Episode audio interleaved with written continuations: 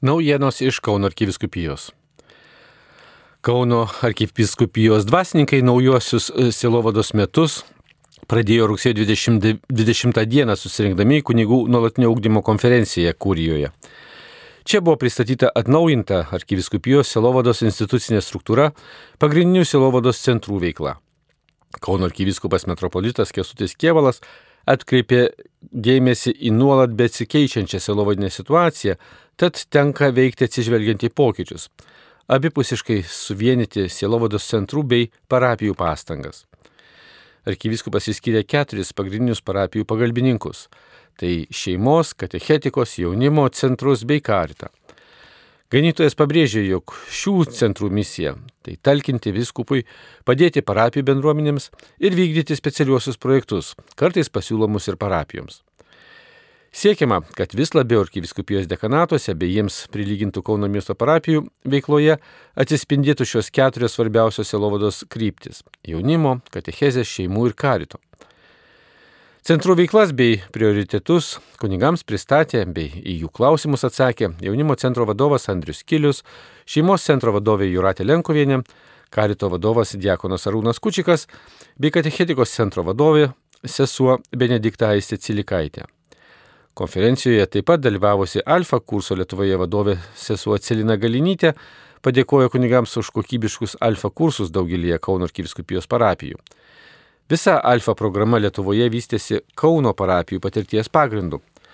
Pasak prelegentės, alfa pirmiausia yra evangelizacinis kursas, be to padedantis kurti parapijose svetingumo kultūrą. Kviečiama ir toliau raginti žmonės parapijose įsipareigoti alfa kursui, dalyvauti mokymuose. Su Kauno arkiviskupijos kunigais apie evangelizacinę programą įgyvendintą švenčiausios mergelės Marijos ramintojos bažnyčioje Vilniuje pasidalijo kunigas Algirdas Toljatas. Jis papasakojo, kaip šešių susitikimų kursas, nuotolinis, teikia palidėjimo galimybę, leidžia atsinaujinti savo misijoje.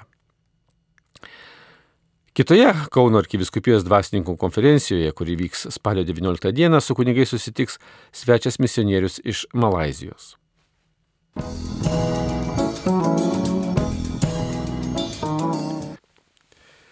Praėjusį pirmadienį, rugsėjo 18 dieną Kauno arkikatūros parapijoje, vyko ir Kauno ant pirmojo dekanato dvasininkų susirinkimas. Pastoracijos aktualijas pristatė arkivyskupas Kesutis Kievalas, o dvasininkai buvo raginima įsigilinti į katechezės Kauno arkivyskupijoje gairias. Pasak arkivyskupo, šiandien susidurėme su jaunimo tikėjimo mažėjimu, tad reikalinga situacijos analizė, būdai, kaip atsakyti į šį iššūkį. Daug dėmesio šiame susirinkime skirta aptarti aukoms už rengimą sakramentams bei katechetų darbo užmokesčiui. Kunigai dalyjosi ir savo nuomonėmis šiuo klausimu ir patirtimi. Taip pat buvo svarstamas mišių stipendijų teisingesnio paskirstimo klausimas. Arkiviskupas Kestutis Kievalas susirinkusiems priminė ir Lietuvos viskupų konferencijos patvirtintas gairias šiais klausimais.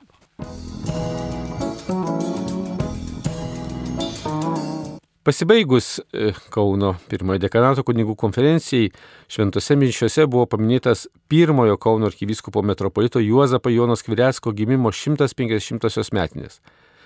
Dėkojame Dievui už arkivyskupo Skvirecko tarnystę. Tegul Dievas jam dovanoja dangų, sakė arkivyskupas Kievalas, minint gimimo jubiliejų Kauno arkikatūroje, kur 1919 metais vyko ir vyskupo Skvirecko konsekracija pirmoji nepriklausomoje Lietuvoje.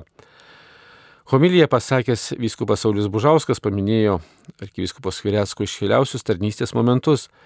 Be kita, atkreipė dėmesį į šeimą, išauginusi net dešimtai vaikų, iš kurių vyriausiasis Juozapas Jonas buvo išleistas studijuoti seminarijoje ir renktis kunigystėje. Prieš 35 metus, 1998 m. lapkritį, Skvirecko palaikai iš Austrijos į kurią buvo priverstas pasitraukti dėl sovietų ir nacijų okupacijos, buvo pargabenti į Lietuvą bei palaidoti Kauno arkikatedroje, kurią tomis dienomis buvo galima aplankyti katedros kriptą.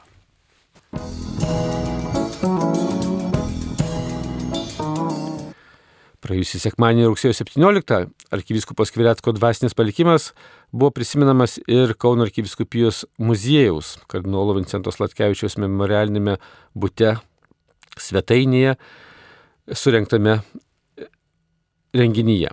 Čia žodį taręs kardinolas Sigitas Tamkevičius pasakojo, jog pirmą kartą arkivyskupas Kvirecko iš lūtinų kalbos išverstą šventąjį raštą pamatė dar gimtosios krikštonių parapijos klebono kunigo Jono Reitilaičio bibliotekoje. O 1955 metais, jam įstojus į Kauno tarpdecezinę kunigų seminariją, kiekvienam klierikui po prieškario Išleistą šventojo rašto knygą padovanojo tuometinis dvasios tėvas ir prefektas kunigas, vėliau kardinolas Vincentas Slatkevičius.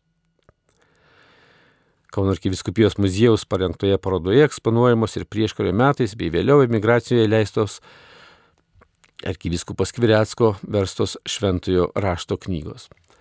Šios ir kitos naujienos išsameu galite skaityti Kauno arkiviskupijos interneto svetainėje arba socialinėme tinkle Facebook. Marijos radio iš Kauno, Darius Chmeliauskas.